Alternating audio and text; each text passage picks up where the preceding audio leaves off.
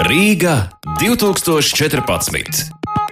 Eiropas kultūras galvaspilsētas informācija. Jau pavisam drīz Rīga Eiropas kultūras galvaspilsētas stafeti nodos nākamajām šī titula īpašniecēm - Čehijas pilsētai Pilzeņai un Beļģijas pilsētai Monsai. Mums šis gads būs atstājis neizdzēšamas pēdas kopības, saliedētības, savu iespēju un varēšanas apziņā, pārliecināts nodibinājuma Rīga 2014 sabiedrisko attiecību programmas vadītājs Mārtiņš Drēģeris.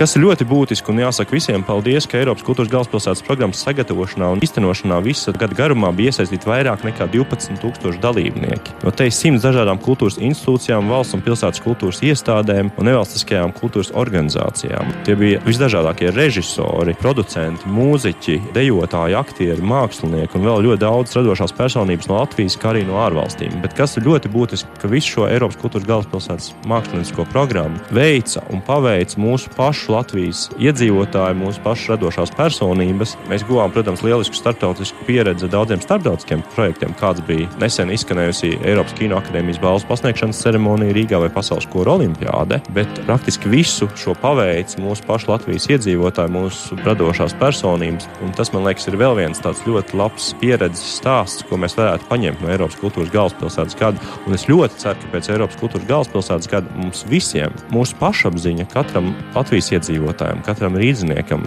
ir ļoti daudz vairāk augus nekā tas bija līdz šim. Jo mēs patiešām varam izveidot ļoti lielus, grandiozus un arī paveikt izcilus kultūras projektus. Manuprāt, tas ir labs pamats pašapziņas celšanai, jo mēs tiešām varam praktiski visu. Man personīgi personīgi par to nav šaubas. Arī par mēdījiem, jo tā bija tiešām ļoti liela pieredze gan radio ļaudīm, gan televīzijas ļaudīm, lai atainot visus šos daudzos, tiešām simtos neskaitāmos Eiropas kultūras galvaspilsētas programmas notikumus. Es vismaz ceru, ka mēs katrs paņemsim līdzi labu pieredzi un arī tādu tiešām pašapziņu. Jo mēs neesam kaut kur Eiropas nomalē vai cilvēki, kas neprot neko darīt vai organizēt, vai vajadzētu kādam mūsu pamācīt. Nē, drīzāk no mums vajadzētu mācīties, kā organizēt augstā mākslinieckā līmenī līmenī fantastiskus pasākumus, kas tiešām ir ļoti kvalitīvi norganizēti. Un šai pašapziņai jābūt daudz lielākai arī turpmākajos gados. Un kas vēl, kas ļoti mūs priecēja, kad mēs esam apkopojuši aptuveni datus, protams, Rīga 14 notikumus, ir pasākums, ir apmeklējuši jau vairāk nekā 1,5 miljonu interesantu. Mēs apkopojam šos datus no muzejiem, no koncertu vietām, no festivāliem,